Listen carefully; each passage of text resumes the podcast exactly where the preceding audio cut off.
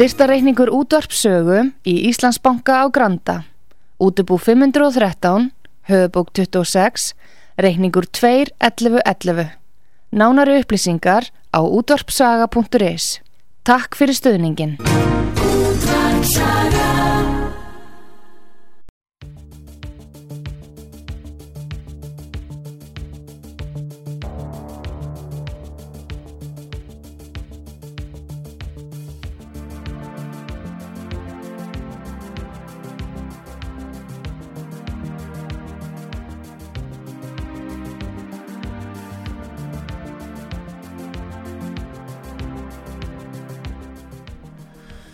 Komið sælið Arnar Þór Jónsson og um, þátturinn í dag er, uh, ég við getum sagt, tilengaður hugmyndinni um vald og uh, til mín er komið til að ræða þetta Haugur Ingi Jónasson, Haugur er uh, kennari við Háskólinni Reykjavík og hann er líka ráðgjafi og Haugur hefur marga fleiri hatta og, og við munum þá hérna, ræða svona um valdið mögulega út frá hans fjölbeitt breyta bakgrunni. Uh, Haugur verður velkominn. Takk fyrir að koma. Takk fyrir. Og hérna við sammæltumstum það að við ætlum svona higgja þessu grunnhutæki í siðferðilegu, lagalegu og pólitísku og samfélagslegu samhengi. Uh, og það er spurning þegar maður stendur fram fyrir svona stóru viðfásefni, hvernig, hvað er best að byrja, viltu Hvað er að stökk út í þessa hérna, lög?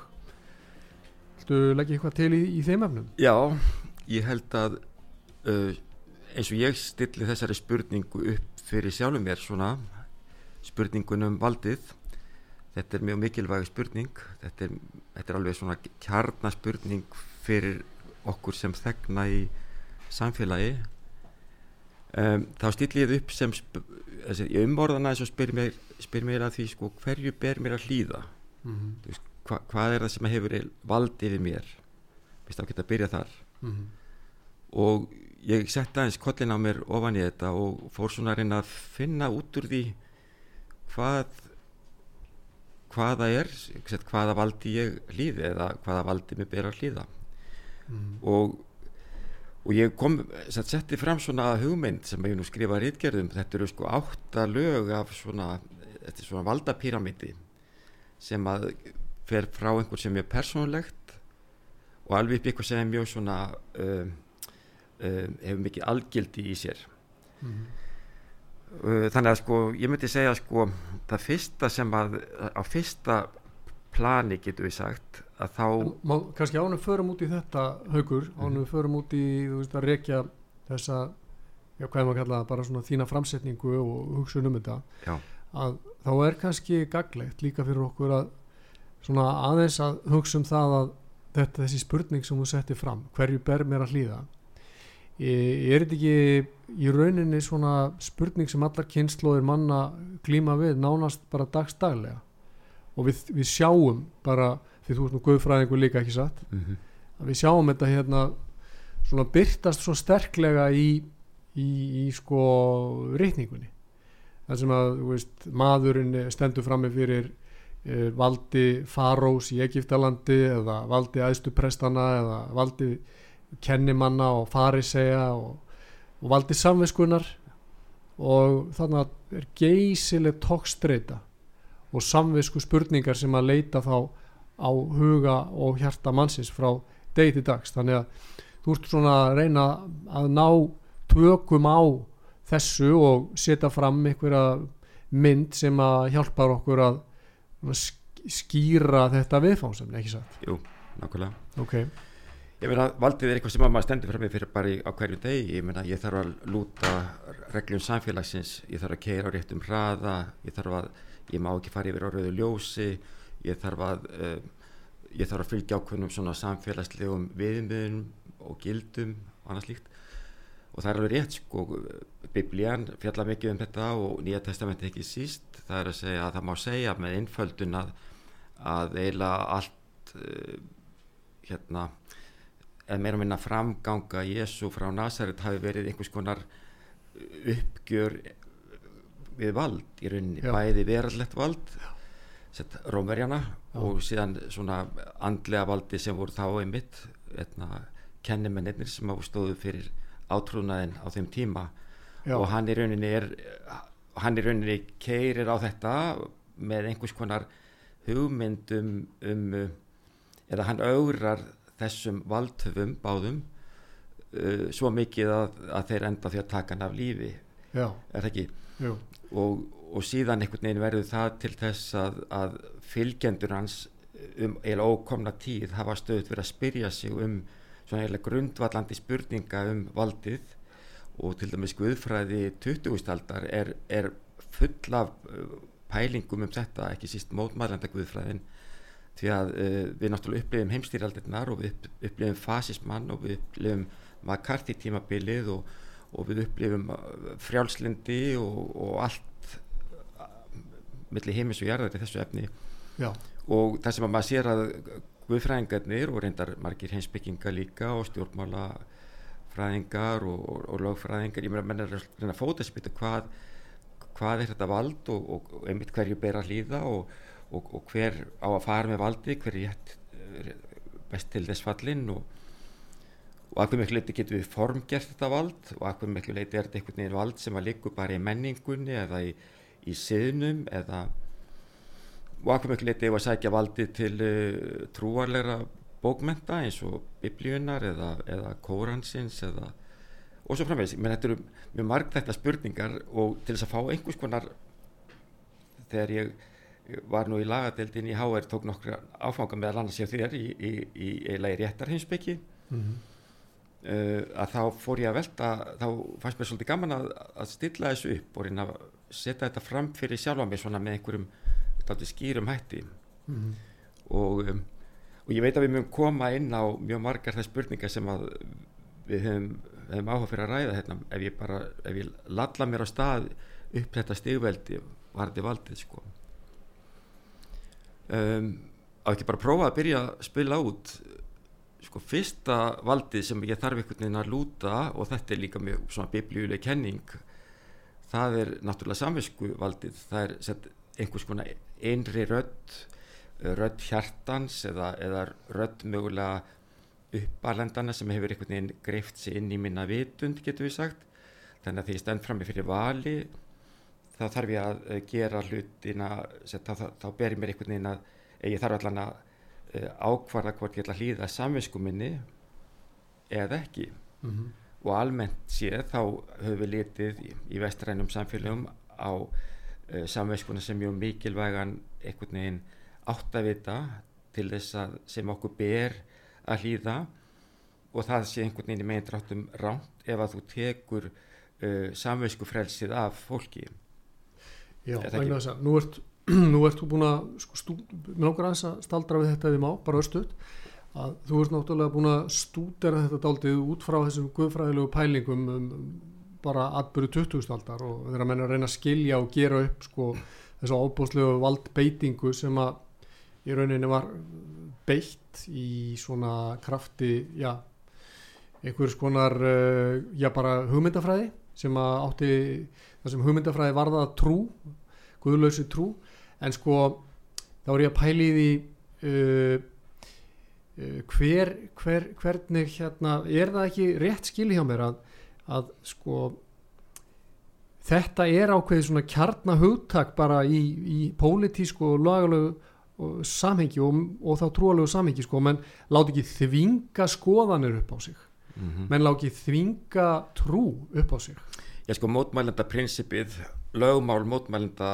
trúarinnar er, það er um fáist að þekkja það en nú skal ég bara setja fram. Það er þetta uh, við tortryggjum allt kennivald og sérstaklega trúarlegt kennivald. Já, þannig að við tortryggjum allt uh, kennivald sem hefur að gera með lög og rétt. Já, uh, við reynum að sjá í gegnum takmarkanir lögjafans mhm, og réttafarsins þannig að við tökum mjög svona gaggrína uh, afstöðu gagvart öllu þessu. Mhm, og við erum alveg sérstaklega gaggrínin gagvart, þá er ég að tala um fyrir hann mótmælandana mhm, á, á hérna og þá í svona hreitni mynd sko sem, sem svona sem svona góðir mótmælendur svona ígrundu guðfræðilega afstæða og sérstaklega eru við skeptisk eða gaggrinnin á, á trúarlegt vald og það getur verið í víðum skilningi, það getur verið allt frá því að vera einhverja pólitískar hugmyndir og líka bara trúarlegt, bara Krist, Kristín Kirkja til dæmis og annað slíkt, Meina, e, það er ekki lausn á öllum málum, sagt, eða þarna er mikið áttak, áttakapunktur. Að það er ekki endilega vist að trúin leysi menna, trúað fólk eða fólk sem hefur guðsjómyndir getur verið siðlaust í framgöngu sin mm -hmm. Því að valdið á einhverjum tíampunkti það er náttúrulega líka það sem er svo í rauninni valdið sko það er svo háskalegt að það fyrir að brenna þá sem að standa því nærri. Og þeir sem að eru þarna í námundaði valdið fara líka ofta að reyna að upphefja sjálfa sig og, og í rauninni gleima þá kannski grunninn þá þeir eru að vera þjónar almennings byrja þá kannski að kúa almenning skiluru og, og svo stöndum við fram með fyrir nýju sagt, og kannski ekki svo nýju viðfáðsefni þar sem að í rauninni uh, handhafa verallegs valds ganga fram í einhvers konar trúar undir einhvers konar trúarlegu sko flaggi. Skilur það, er, þetta er svo, svo marg þæg en, en ég ætla að leifa þér að halda áfram. Einmitt, sko, það er ekki búin að nefna þetta með fyrsta eiginlega, það sem stendur mér næst er, er hvort ég fylgja samvinskuminni það er fyrsta eiginlega, fyrsti Uh, já, aðeins sem að getur veitt mér aðhald er það ekki, samviska mín. Og, og ég sjálfur, einhvern veginn hjarta mitt eða, eða einmitt, og svo náttúrulega maður velta fyrir sig hvað er samviskan, er þetta bara eitthvað sem er yngrift úr uppeldi mínu eða er þetta eitthvað sem kemur með móðumjölkinni eða er þetta eitthvað sem kemur er við einhvern veginn góð eða rétt sín í grunn gerð okkar, þetta er mjög áhugaverð spurning Mm -hmm. Mena, er eitthvað sem að, er eitthvað svona rétt síni sem skilgreinir tegundina maður ef, að, ef, að ekki, ef hún er ekki skemmt í uppeldinu mm -hmm. eða er við bara eitthvað svona hérna, ókynnt sem þarf bara að aga og, og, og, og koma undir vald eitthvað svona yfirbúðara mm -hmm. og það er ég held að sko við höfum lært mjög mikið um uppeldi og annað slíkt og það, því meira sem við gefum barninu sko frelsi og næði til þess að leggja rægt við eigin viðþorfana slíkt og án þess að vera kvalið af einhvers konar íþykjandi uh, kennivaldi í umhverfinu að því heilbreyðar að verður það í afstöðu sinni. Meina, það sem að ólup næstana var, það var alveg skjálfileg svona bæði kænslufræði og uppeldis og sálafræði þess tíma, ég menna menn vildu sko brjóta vilja barsins á bak aftur með, eiginlega, með refsingum og, og, og, og kvölum í rauninni sko. Mm -hmm. og þetta laði grunninn að þessu etna, skemta uh, um, samfélagi sem að var sko gafst næsismannum á hönd. Og, og þetta er endalust áhætta fyrir okkur. og við sjáum það speklast líka náttúrulega í stalinismannum já, já, stalinismannum og, og ég er ekki vissum að okkar tími sé alfari saklus af þessu heldur sko einhvers konar innrætingu og, já, og hérna heila þvætti við sjáum það, við sjáum það til dæmis í kringum Donald Trump, ég menna hann kerði á þessu sömu element að mínumati og við sjáum þetta líka í, í viðaðum heim í undir þess að menn er að nota svona popul, populist sko svona líðskrum í raunni og það sem að sannleikurinn fer svo fljóðlega út um gluggan og menn bara fara sínu fram að því þeir eru búin að fatta að, að, að þeir eru búin að lesa Machiavelli eða, eða vita það bara með því að möndla með líðin að þá getur byggt upp fylgjendahóp og þú kemst að, að, að kjöttkvöllum valdsins og þá, og þá gegna fjölmeilar mjög miklu hlutverki í þessu spil á tilfinningar almennings og, og algjörlega og, og, og skemdar stopnarnir samfélagsins og það verður val, samveisku val ætla ég að taka þátt í þessu mm -hmm. að ég gæti grætt að því, ég gæti orði ofan á mm -hmm. eða ætla ég að uh, standa einhvern veginn með einhverjum eh, heilbyrjaðri viðhorfum. Mm -hmm. og þetta er alvöru spurning sko þegar þú ert komin í hitta leiksin sko.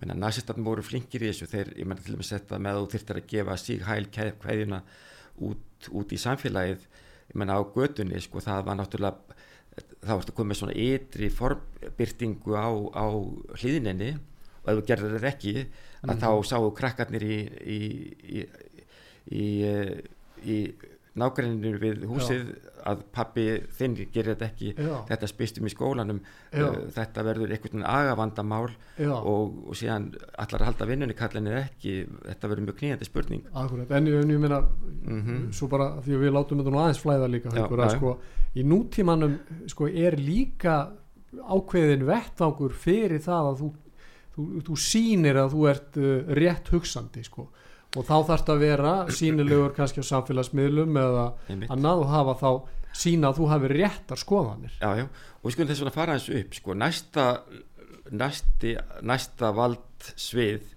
það er valdið sem að uh, ég eiginlega verða að hlýða eða ég þarf veginn að hlýða sem hefur að gera með uh, það er það vald sem að tengsl mín við annað fólk uh, býr til. Menn ég er í tengslu við þig og, og við erum í tengslu við ykkur aðra og, og, og þarna þarf ég einhvern veginn að lúta á hvernig svona uh, viðmiðnum sem að og ég menna ég get ekki gert bara það allt sem ég sýnist. Nei. ég verði einhvern veginn að fylgja því sem að þetta er svona félagspressa þetta er svona félagspressa já, þannig að svo maðurinn sem að í Þískalandi 1935 þurfti að sína sko hérna uh, kveðjuna út á já, götu nákvæmlega. hann er kannski þessi sami maður árið 2022 hann þarf að setja ákveðin læk við ákveðina fæslur hann þarf að tjá sig með tiltögnum hætti kannski svo allir sjáu hann þarf að Já, vera að stimpla sig inn í hópin það er nákvæmlega. félagspressa, hún er ennþá til staðar og er á öllum tíma alveg rétt og hefur alltaf verið til staðar og, og verður og þetta er náttúrulega mjög ábyrjandi allt svona sem hefur að gera með ytri þess að þú þarft að setja þig út og það er verið að kanna hvort þú sért með eða á móti já, það er alltaf felur í sér mögulega um, þá, þá er mögulega að verða til ykkur valda uh, grunnur fyrir ykkur hóp. já, og, og það er, þetta getur orðið að leik eða mjög alvarlegum leik já, það sem er verið að sjá hvort þú líkar við eða líkar ekki við Já. og það er þá og það er lagt, það mun mögulega hafa afleðinga fyrir þig ef að þú ert ekki eins og við viljum hafa þig um, hvað er maður að gera við hann? crossfesta öskra líður já, já, Aha. einmitt, já, já en, en það er svona en þetta er nú partur að því að menna, eitt sem að maður getur gert er maður getur reynd að vera undir radar til dæmis eða maður getur reynd einhvern veginn að, að vera rödd skinnseminar inn í þetta tak ekki þátt í eitthvað skona við þið sálfræði sem er til dæmis frumstæð.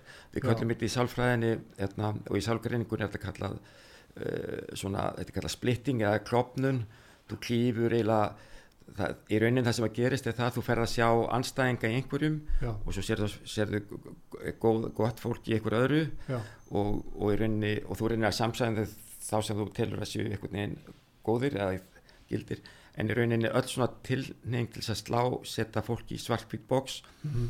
uh, það endur speklar eitthvað svona róf inn í viðkomandi aðila já en gæti þetta ekki sko líka Mhm. endur spekla á hver rof innan sko samfélagsins því að þú nefndir allraðis ríki 20. aldar já, bæði Stalin og Hitler sko þeirra stjórnvöld í rauninni beittu miklu afli við það að sko sína óþól og útskúa þeim sem að höfðu aðra skoðanir.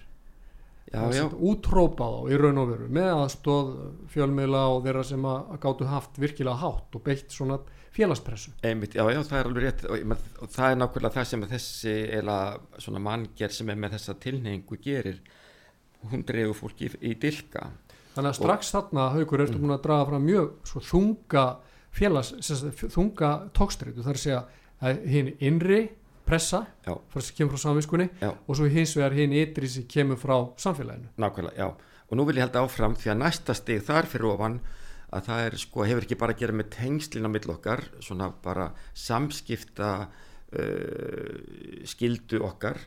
Það hefur að gera með, getur við sagt sko, með, með siðin, veist, siðin í landinu. Það getur líka sett mikla pressa á okkur og við sjáum það bara í sögunni að því að þú ert, ert áhuga samar um, um trúen, trúna og, og, og það sjóna með að við höfum stundu séð að, að slíkar hugmyndir, svona siðurinn um, og til dæmis afstæðan varandi kynin og kynferðið og þú veist hver má vera hvernig með hverjum og undir hvaða kringumstæðum hver á að vera klættu hvernig og svo framvegis þetta er eitthvað sem að siður leggur yfir samfélagið og þetta sjáum við, eh, sáum við mjög skýrt hérna áður fyrir í íslensku samfélagi.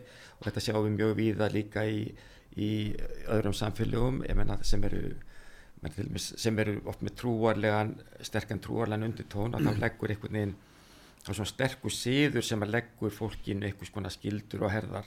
Þú Já. verður að vera svona og svona. Já. og þetta er lengra gengið já, heldur en hérna plan 2 ég vil meina að þetta sé ennþá sterkari. Já, og þannig að stundu getur plan 2 orðið að, að nummer 3 sko. Já og þannig ertu þá, ertu þá þú ert raunin þannig ertu komið með svona ákveðan kennimannastjætt sem að sko stíga fram sem fulltrúar síðarins, ekki satt? Já þannig er oft sko já, og beita ég- pressu. Já, já ég, það er reyndar sko, eitt lag þarna fyrir ofan sko, sem Já. eru þá hérna uh, sem eru þá já það er eiginlega næsta lag þar fyrir ofan þegar þú komið svona stopnarnir sem setja pressun á ég vil minna séðun sér fyrst sko, það sé þriðja lagið. Já, og síðan koma kemur uh, fjórða lagið, það er svona stopnana Já. vætt vald. Já ég skil. Og þetta er þáttið góð lýsing. Það er að segja sko þú, þú ert einstaklingur og glímur við samvinskuna Já. þú glímur við nærumhverfi í formi félagspressu. Já, félagstengslana já, þú glýmir við, við þetta líka sko bara út frá svona hinnum ríkjandi hugmyndum um hverju svona samfélagi stýrist af. Já. Og svo verður þarna til ákveðin stopnanavæðing og allt eru orðið til embætti og kennimenn og svona nákvæmlega. sem að byrja að, að beita þessu sko, uh, sko valdi. Já, þeir vilja get- vera handháðar valdsins. Og, þeir, og þessi kennimenn og þetta vald getur verið bæði í nafni trúarlegra hugmynda, Já, í nafni hugmyndum um uh, réttarfar, í nafni hugmyndum þjóðerni, í nafni hugmynda um, um trúleysi, uh, í nafni pólitískra hugmynda og svo framvegis. Ég menn þetta getur verið einhvers konar sósialismi, þetta getur verið einhvers konar uh, fasismi, þetta getur verið einhvers konar um, um, um, pop, populismi eða þetta getur verið einhvers konar, þetta getur verið ímislegt sko, bara mjög Já. margt, þetta getur verið hérna, og, og þetta getur haft uh, bæði mjög þetta uppbygg er, þetta er einhvers konar hugmyndafræði oft eða kredda sem að þá þannig er orðin stopnanavænd Já, en aðtóða sko, ef, nú erum við kannski að nálgast þetta að því ég heyri að þú ert sko uh, eins og gaglitt er skeftískur á valdið en aðtóða allt þetta getur líka haft mjög jákvæða öll þessi þref geta haft mjög jákvæða Já. uh, hluti í för með sér og ég er sammála því, ég, ég er algjörlega sammála Já. en það sem ég er alltaf að segja mm og ég, mér finnst svo fáir svona, ég fæ svo litlar undirtekti með þetta. Já. ég er alltaf að segja að valdi þarf að tempra. Bú, ok, þetta vald byrtist í öllum þessum myndum. -hmm. viðfánsefni mannsins og samfélagsins er hvernig temprum við þetta vald? Hvernig komum við böndum á það?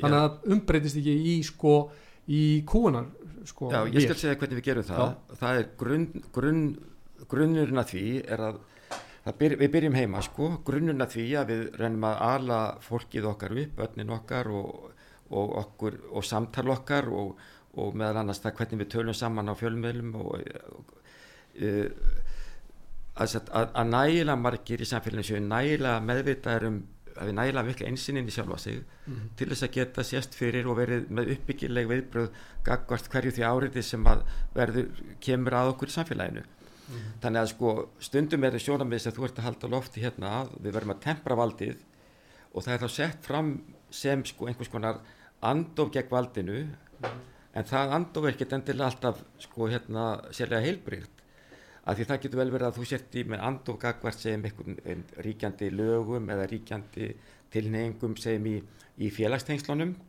en þú ætlar að reyna að koma inn með eitthvað sem er þá þú ætlar að leggja til að það komi inn einhver annað síður.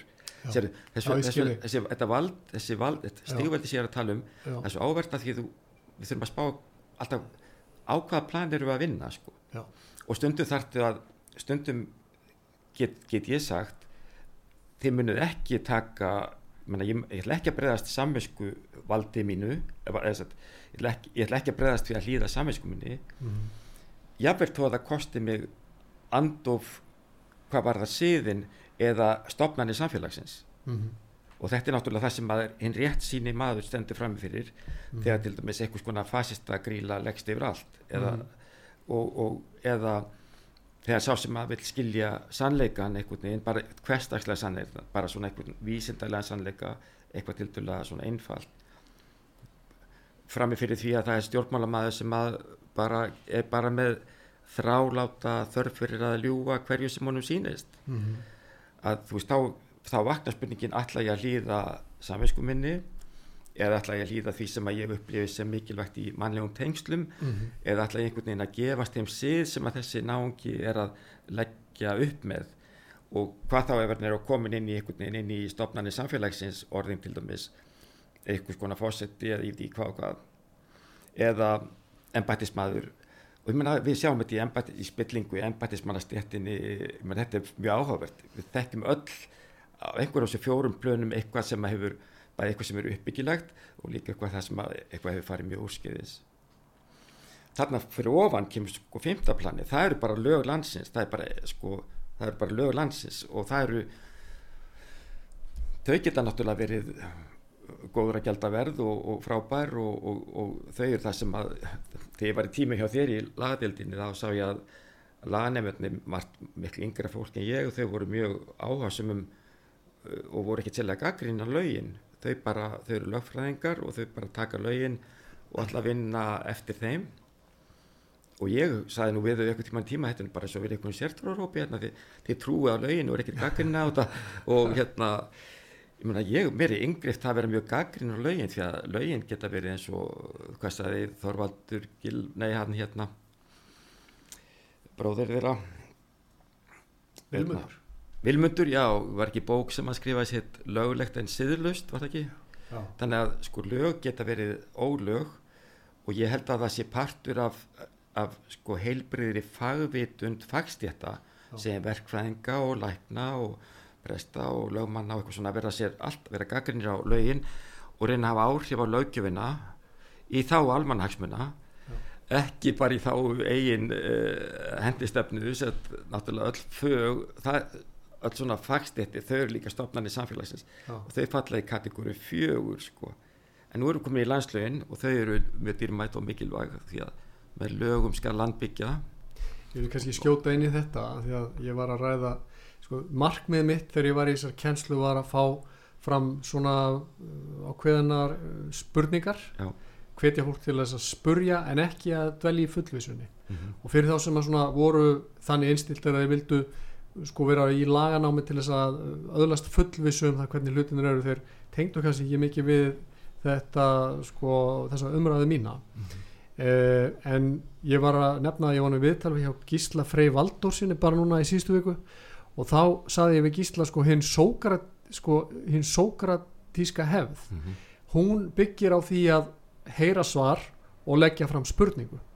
En uh, hinn hefðin sem að kenna má við einhvers konar sófisma er að heyra spurningu og loka fyrir frekar umræðu með svari sem er full, sem, berða með sér að vera einhvers konar fullvisa skilur á þessu er alveg ótrúlega mikill munur. Og ég samálaði sem hún segir sko að fyrir fagstétt getur verið mjög háskalegt að ímynda sér að, að hún hafi höndlað allan sannleika og þurfi ekki að spurja nefna spurninga fra, framar. Sko hún verður náttúrulega að spyrja sig að því hún hlýtur umbóð sitt sem fagstjætt frá, frá þjóðinni sko. Lögmannafélagi með ákvæða hvað, hvað enginni góða lögmann verkfræðingafélagi má ákvæða hvað enginni góða verkfræðing og þeir með að stopna félagi utan um þetta og þeir geta þeir fá ákveði réttind í samfélaginu og ég veit ekki hvað ákvað og læk, læknar og Já. tallæknar og, og það eina sem þeir þurfa að gera eftir á grundvelli samfélagssáttmálans þeir fá þennan rétt sko. Þeir þurfa að verða rétt uh, annar að þegna samfélagsins.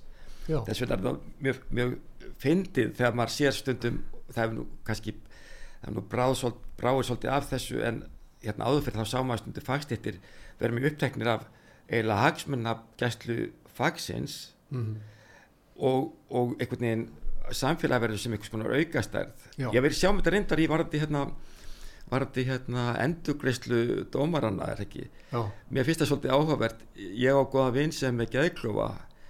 Hann honum voru ofgreiptar tryggingabætur í tvö ár held ég. Og hann af, sko hann er með 230.000 mánuði frá tryggingastofnun.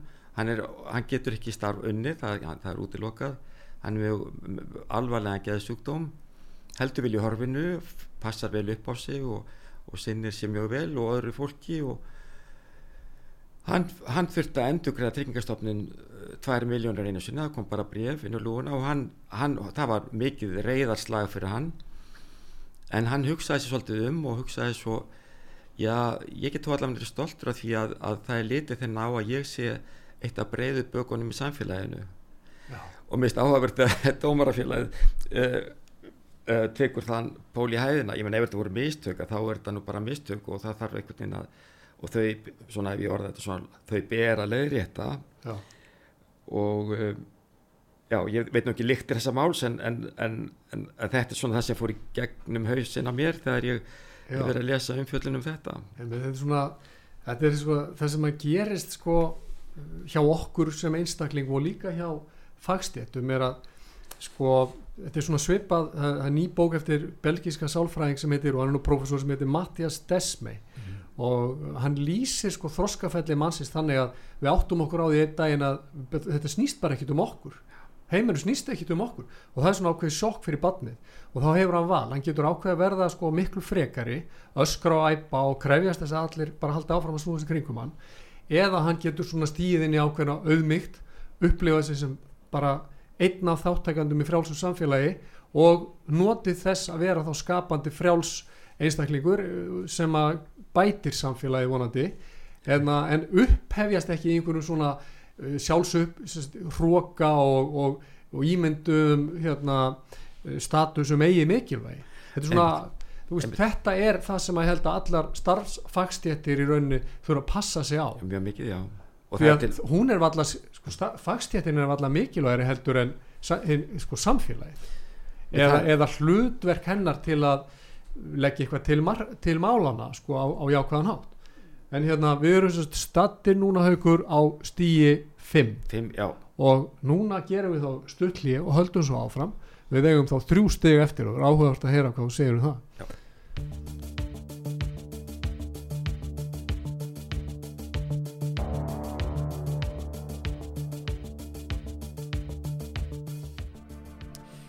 Já, komið sæl aftur, ég heit Arnáður Jónsson og uh, hjá mér situr Haugur Ingi Jónasson, háskólakennari, uh, sérfræðingur, guðfræðingur og sálgreinir og reythöfundur og margt annað og við erum að ræða hér um valdið út frá svona hugmyndum sem að Haugur hefur verið að, að marka uh, og setja á, svona á prent og vonandi byrta Haugur, er það ekki?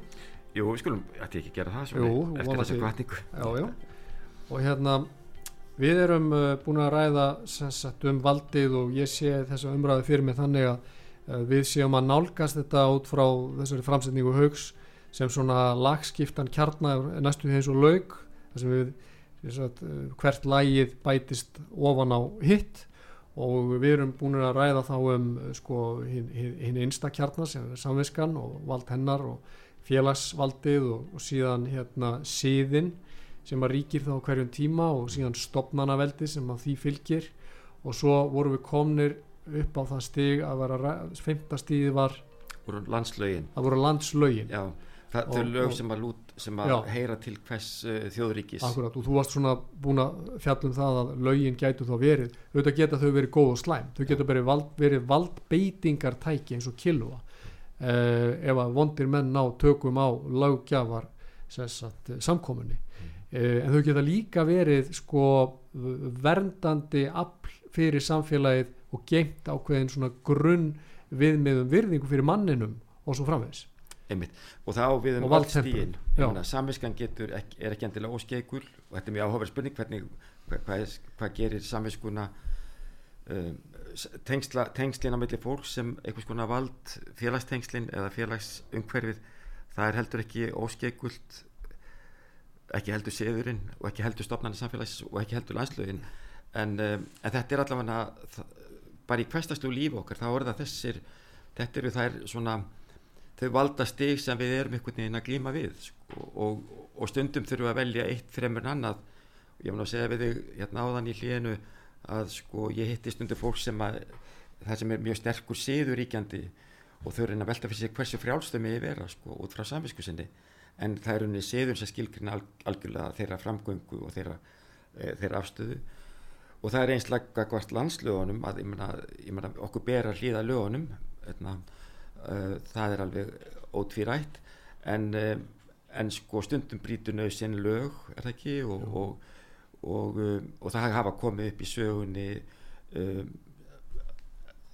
oft á tíðum hérna, einhvers konar áttast, og, og lögin er líka þroska sko, menn hafa styrst að taka stöðu gegn lögunum og, og þá var ég myndið að nefna áðan að, að það skiptir mjög miklu mála þeir sem eru kannski bestilegs fallnir það er að segja fólki sem er virkilega að vinna í, í sínu fæi og er uh, að teku svo alvarlega sem í þjónustu við samfélagið vitandi það að það þykkur umbóðsitt það sérfræðinga umbóðsitt uh, til að starfa sem lögmenn eða læknar eða þú veist hvað eina verkvæðingar eða að þetta fólk þarf að vera mjög meðvitað um það að, að hérna að það, það þarf að hafa uppbyggilega áhrif á lögjöfuna í þá almennings að því þau þykja náttúrulega uh, sitt uh, vald, sérfrængavald frá almenningi Há rétt, hefða, mm -hmm. bara því hún nefnir þetta svona hög Mm -hmm.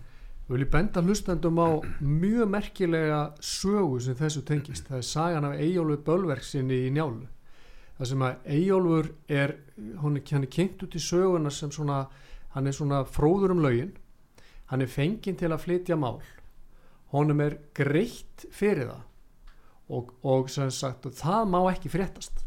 Hann má í raunin ekki selja sem málafæslu maður þess að sérþekkingu sína því að menn eru þá meðvitaður um að hann gæti fara að beita sérþekkingu sinni og því valdi sem því fylgir gegn samfélaginu og, og, og Eyjálfur þessi í sögunni fær hérna, mjög svona grimmileg örlug hann er bara tekin og, og hérna, hann er raunin bara aflífaður sem einhvers konar sko, svikari við hérna, þá skuldbindingu sem hann sem sérfræðingur var talin hafa undirgengist.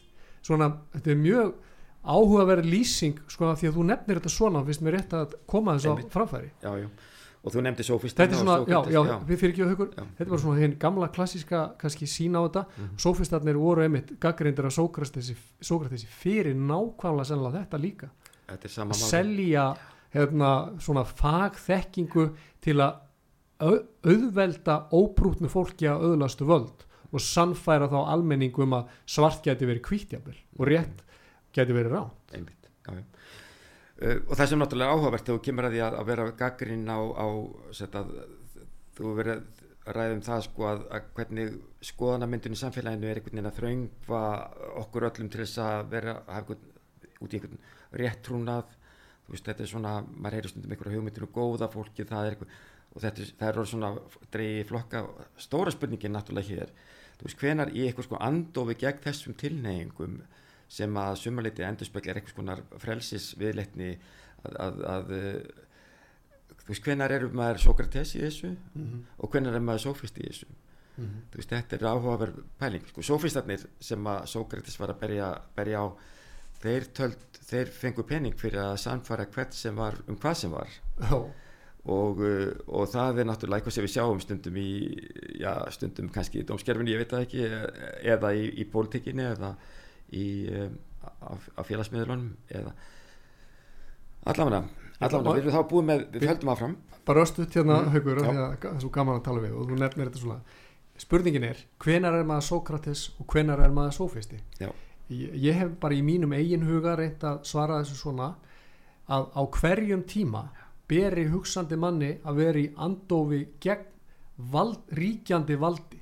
Einmitt, að það sé í rauninni hinn hotla e, sko viðleitni mannsins ég er ekki að segja að það geti okkur geti tekist það á öllum tímum en að vera, alveg svo þú líst þér á hann skeftiskur á valdið Já, alveg rétt, en, en það er sko eða fórsenda þess er, ég meina fólk getur verið uh, það hefur allskins fórsendur og það getur vel verið að, að til dæmis að menn sé alltaf í ykkur baráttu við valdið ekki af heilbriðum ástæðum eða endalust Já. í ykkur baráttu við eitthvað sko það sem aðrir hafa að halda fram að því þeir eru bara einhvern veginn í grunngerðinni sko etna, svo, svo kvíðnir og þeir hafa einhvern veginn, þeir eru reyna alltaf að berjast við til dæmis bara eitthvað skona feðravald eða, eða vald móðurinnar eða, og eru alltaf bara í einhver endalösu stríði við allt og alla ég, meina, Já. ég þekki fólk sem að ég byrja að ræða við bara svona almennt um eitthvað og það endar alltaf í umræðum sko vinstr og hægri Já. og maður svo byrju hvað er þetta ég, meina, ég er ekki að tala um það ég meina, við vorum, byrjum að ræða um borðtusku Já. og þá fyrir við einhvern veginn enda það hvort að sko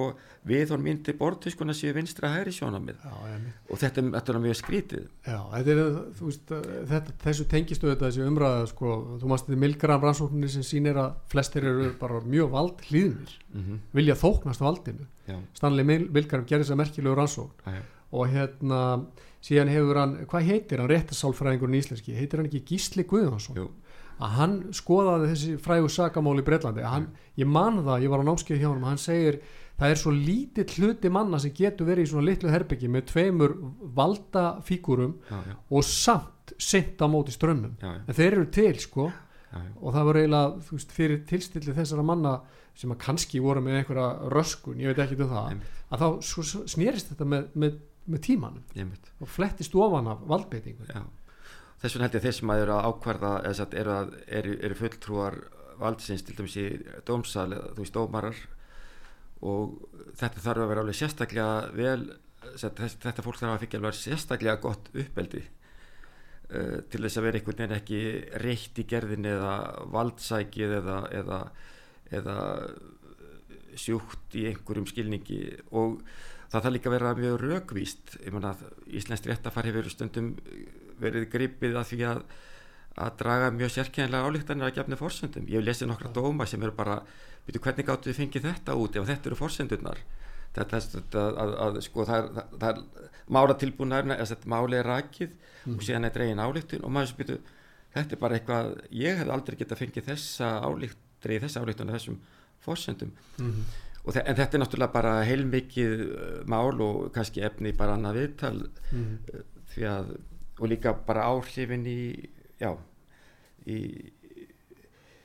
og þetta er áhugavert þetta með domstólana og, og, og réttafærið og framkvæmdavaldið að sko þetta er alltaf eitthvað þetta er svona eins og þrýjent fyrirbæri, þetta er svona eins og eins og hérna, þrýjent persónlíki Guðs, ef við tökum mm. svona Guðfræðina í það, að það er alltaf eitthvað samtalat á milli, að sko allir er að móta lögjöfuna í það er ekki bara allþykja sem setur lögin, það er líka þetta er samtala með domstóluna og framkvæmdavaldi því að þegar lögin eru þegar verið að setja þau út og, og beita þeim að þá læra menn eitthvað og, og séðan fyrir þetta fyrir domstóla og þetta þarf að, að leira þetta kursinn og svo framvegs mm -hmm. allavega ég ætla að halda áfram.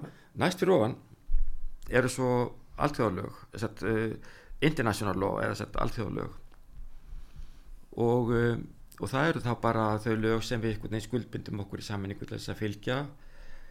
Og það er náttúrulega þau geta verið mjög góð og þau geta líka verið skrítinn og, og uh, og þau eru líka það, það er magna að lesa þessa sáttmála eins og þess barnasáttmála samlið þjóðan og lesa svona í þetta svolítið að sjá alla, alla hvað mörg ríki setja, þau skrif undir en svo kom allskins undan þáur mm.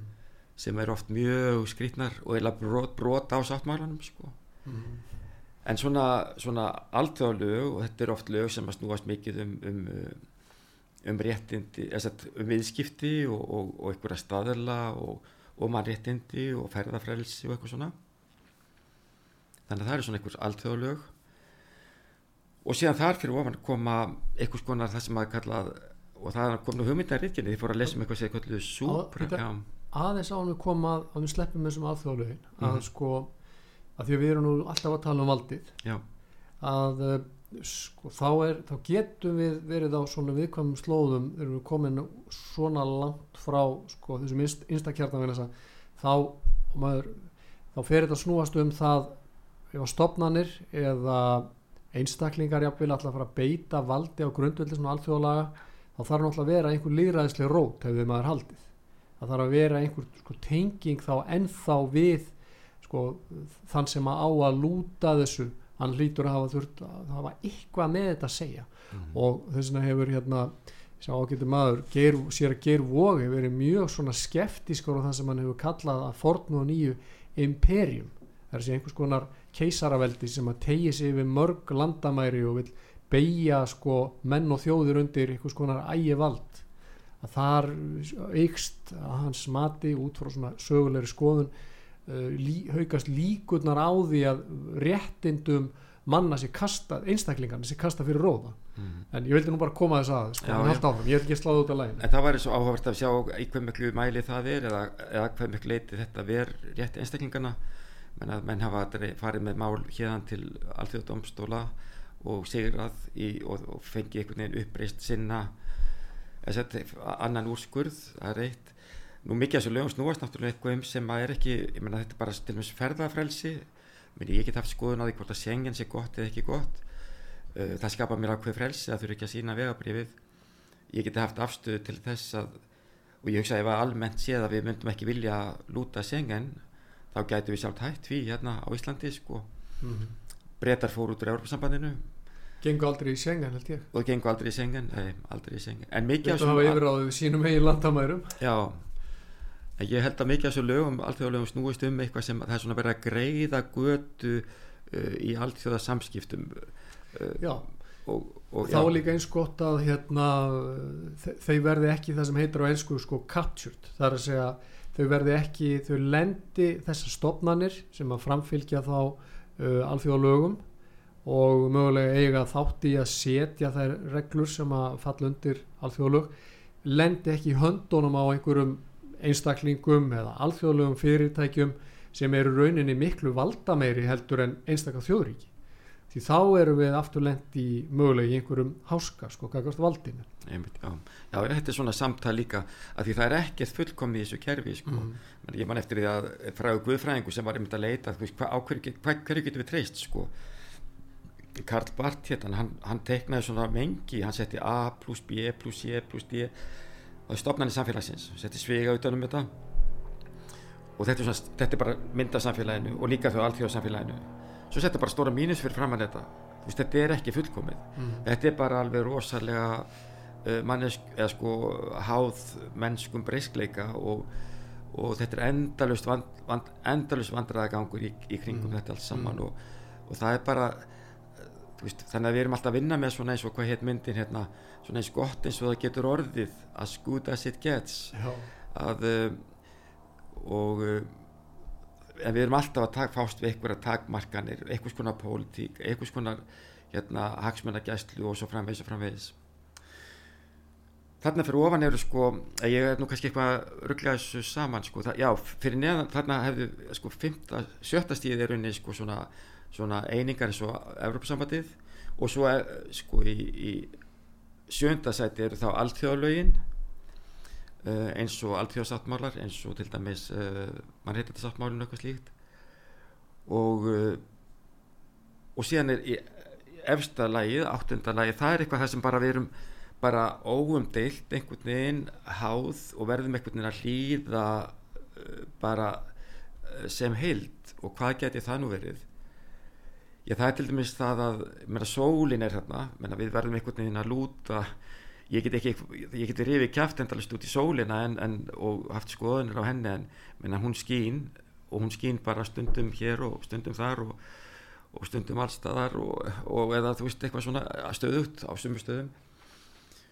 Það má spyrja sig hvort að til dæmis spurningin um hlínun jarðar sé svona rótækt aðstastiks uh, mál að við séum að sigla inn í einhvers konar háska sem við verðum einhvern veginn öll bara að uh, gefa uh, gaum og lúta einhvern veginn, við verðum einhvern veginn að styr, og það er sem einhvern gríðar mikið vald. Og ég veit að gaggríni getur komið já, já þá, þá veistu það náttúrulega er það ekki að, að menn fara að færa sér nýtt þetta vald til fara það eru einhverju hagsminni tengdir þessu menn ætla sér að græða á þessu eða menn ætla að komast í áhrif út með þessu þetta eru möguleg einhverjir hérna, liberal aðlar sem er einhvern veginn að, eða sósialistar að ná völdum gagvart hérna, uh, íhalsmönnum og, og, veist, og allt þetta. Og þetta náttúrulega þessi umræði fara á sig allskinn spinn. En segjum að sé nú bara eitthvað sannleikur í málunu sem að ég ætla ekki að, ég veit ekki hver er ég er bara lögmál lífsins við erum að virða lögmál lífsins lögmál lífsins, já. Menna við getum haft skoðunir hvort að við erum lögmál kjánar eðlis, ef við gerum það ekki náttúrulögmálin lögmál eðlisfræðinar og svo framvegis. Ég meni er það ekki í þrimskviðu það sem að Þór eh, glímir við kettlinguna og enginn skilur okkur hann fellir hann ekki? En þetta er ellin. Veist, við getum reynt að hlaupa marathón og borða græmmet og svona en við vorum að játa það að við tökum ekki slægin við ellina sko, við sigurum hann ekki. Já, þannig að sko þarna er eitthvað sem við verðum öll að lúta eins og þú segir. Já. og uh, og, uh, og, og veist, vitandi það að þá ættum við að geta farið niður allt saman og reyndi einhvern veginn að leggja mat á það hvernig við ætlum að ganga fram bæði sem einstaklingar já, og sem stopnænur og sem siður já, og sem menning og sem lög og sem alþjóðsamfélag uh, gagvart til dæmis uh, í ljósi þessara staðrindar að það er elli, já, það eru sjúkdómar já, það er uh, grimmt Já. það er ímislegt uh, og viljum við ekki einhvern veginn erum við ekki betur komin með þá hugmynd um að við séum öll í sama bát Mm. í staðin fyrir að við séum að uh, draga hvort annað í dilka og, og Mhm. þannig að grafa undan uh, samveilum hagsmunum okkar einmitt ég, ég fæ upp í hugan þegar þú lýsir svona orð sem að í, í nútíma samfélagi er hérna, ekki hátt fer, hverki hátt en uh, var auðvitað líkil húttak í fyrir tíðar menningu eða hvert sem litið var, það er orðið viska það er að segja að viðkenna það að við, hérna, við getum ekki tekist á við, getum ekki við verðum að lifa í samræmi við lögmál bara lífsins og náttúrunar og uh, við getum ekki hérna, uh, við getum ekki uh, hlaupið á veggi enda löst við höfum að viðurkenna það sem við vitum ekki fá visku okkar. Og í því fels líka ákveðin viska. Og uh, uh, ég hef svona verið að velta fyrir mér að, að þetta er kannski eitthvað sem við þurfum að endur ekki nútíma því að við vorum að tala um Bonhoeffer hérna í hlénu líka. Dietrich Bonhoeffer hann merkilega þíska kaupfræðinga sko, hann sagði og svona ég vil aðeins varpaði yfir til þín sko að það sem hann satt nú þarna í, í, í fangelsisvistinni og horfðist í við það að hann er nú líklegast bara tekin á lífi fljótlega sem það var gert sko. Þá segir hann eitthvað á þessa leið sko að menninni geta búið til rosalega flott kerfi sem að í rauninu og kerfin eru svo frábæra því þau geta að sumuleiti leist okkur undan þessari kvöl sem það er að vera einstaklingur þú eru að hugsa og taka þessa, takast áveðin að vanda sem þú ert að lýsa sko, mm tókstreituna við valdið og samviskuna og allt þetta. En hann segir hann segir sko en við verðum að viðkjanna það á endanum stendur maðurum frammi fyrir sjálfum sér. Það er hið, hið, er, það er hið stórkostlega verkefni lífsins. En það er líka svo erfitt. Mhm. og uh, mér finnst greiningin þín hjálpleg, hún er skemmtileg. Mhm. og hún, hún, það er gott að hugsa þetta á þessum nótum. Uh, en ég skil þetta þannig að veist, við, við förum sko ofar og ofar í, í þennan sko, stíga sem þú veist að fjallum en við losnum aldrei undan sko lögmálinu, sko undan sjálfum okkur. Raunsæðinu, hvernig myndir þú vilja Nei, ég held, nei, það er rétt og, og, og kannski góðu heilli og ég meina, við reynum að, að losna undan því en það er alltaf þarna einhvers konar svona lögmál en í Guðfrænir talaði um sko lögmál og svo einhvers konar frelsisviðleitni líka sem er kallað fagnarerndið eða slíkt og það er alltaf spenna þarna á milli. Og ég held að við sko í þessari tókstrættu þá þurfum við alltaf ég meina það er engin sjálfum sér að lifir engin sjálfum sér einlurðungu sko. Ég meina það er það er svona þurfum við á hvort öðru að halda þú veist það einhvers konar hugmyndum, einhvers konar sjálfsrækt einn með sjálfum sér, loka sig af og einhvern veginn og, og vera einhvern veginn bara þar það er, það er bara, þú kemst bara ákveð langt með það sko, þú þart á öðrum að halda þú þart samfélag, þú þart að taka þátt í, þú sleppur ekki við þetta stigveldi, þú verður einhvern veginn að, að ég meina, að taka þátt og vera með og, og, og það sem ég held að þurfa að gera, gagvart fáviskunni og, meinhornunum og vann, ég ætla ekki að nota, dæma neitt neð svona, svona óþroskuðum viðhorfum í, í samfélagsumræðinni og viðletni einstaklinga og mögulega félaga samtaka og annað slíkt til að ná óverðskuldað valdi yfir skoðanamyndun og annað slíkt. Hvernig hefur að kljást við þetta? Við höfum að gera það bara með því það er bara ein leið.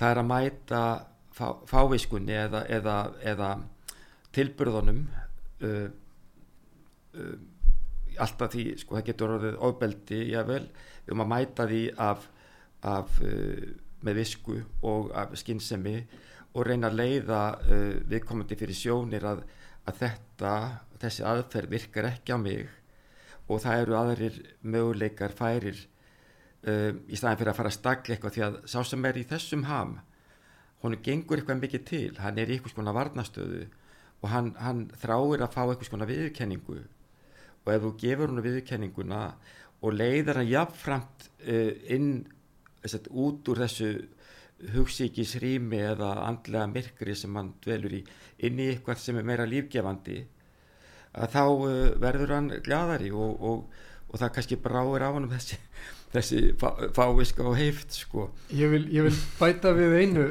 haugur og þetta er frábært og ég vil bæta við einu, þú, þú nefnir sko skinnsemi og visku mm -hmm. Og hérna það er eitt sem að ég er búin að, er að kljást við sko og er að temja mér, reyna Mm. það er að mæta þessu með kærleika og hérna það er oft erfitt og stundum þegar ég fæði með einhverjum svona gusur á netinu þá kalla ég á kona mín og segi sko nú verður þú að standa hérna, hérna við hliðin á mér og, og, og sko hjálpa mér að svara þessu ekki af uh, svona reyði eða móðgun eða þú verður að hjálpa mér að sko dvelja hérna í einhvers konar kærleiksríku viðmóti. Já. það er rosalega þetta er, þetta, hún segir við mig þetta er eina leiðin sko til þess að dempa svona viðmót sem þú ert að lýsa. En það er önnuleg líka fær sem er áhugaverð. Það er, ég meina, þú getur reynd að vinna þessa sjálfsvinnu bara full blast út í samfélaginu. Já, en þú getur líka farið bara í sálgreiningameðferð og reynd að skilja hvað þú sjálfur ert að koma Vá. í viðhorðinum já, því að eins og og aftur, ég meina, líðræsli samfélag það þrýfst getur það, það, það viðhelst aðeins, ef og aðeins að nógumargir hafi nægilega miklu einsýnin sjálfa sig til að geta sést fyrir í, í ákvarðanumtöku sinni og, og, og séð skýrt um, hvað er satt það núti sko. Mhm. ef þú ert einhvern veginn læstur inn í þá ert alltaf að reyna þá engist um og ert alltaf að reyna að sína fram á eitthvað og sanna eitthvað og, og þetta getur verið uh, uh, fegðar för myna, og, og, lei, og það er uppi staðið uh, þá kannski hefur skilar þetta engu og ég til og með sé það að það er áhugavert að, að vera með mannesku í meðferð sem að hefur kannski verið einhvern veginn kólgleift hérna, einhvers konar repparík þú veist bara einhver úr landi sem bara hatar alla í þykvabænum bara, og lífi fyrir allt í þetta sko. eða einhver sem er bara rosalega mikið vinstri og hann bara hatar allar hægri? Eða hægri sem hatar vinstri? Eða, eða indjánu sem hatar kábói eða öfugt eða kábói indjánu eða þú veist kalla sem hatar konur og konur sem hatar kalla og, ég, veist, og við getum bara haldið áfram. Trúa fólk sem hatar vantrúaða og trú, vantrúaða sem hatar og áfram getum við haldið og, og allt fer einhvern veginn í þetta. Að sko þegar það er búið að fara í gegnum svona smá vinnu með hérna sálfræði svona vinnu Já. að þá allt í innu fyrir að sjá í gegnum þessi frávörp þessa tilneyingu til þess að uh, lita heiminn alltaf út frá þessum svona í þessum fáu litum sem það hefur. Já, og það fyrir að sér að það eru fleiri litir og, og það allt í innu stendur að bara upp á sér byttu byttu eftir að segja að er þá niðurstaðan að, að þykkbæðingar séu bara ok já,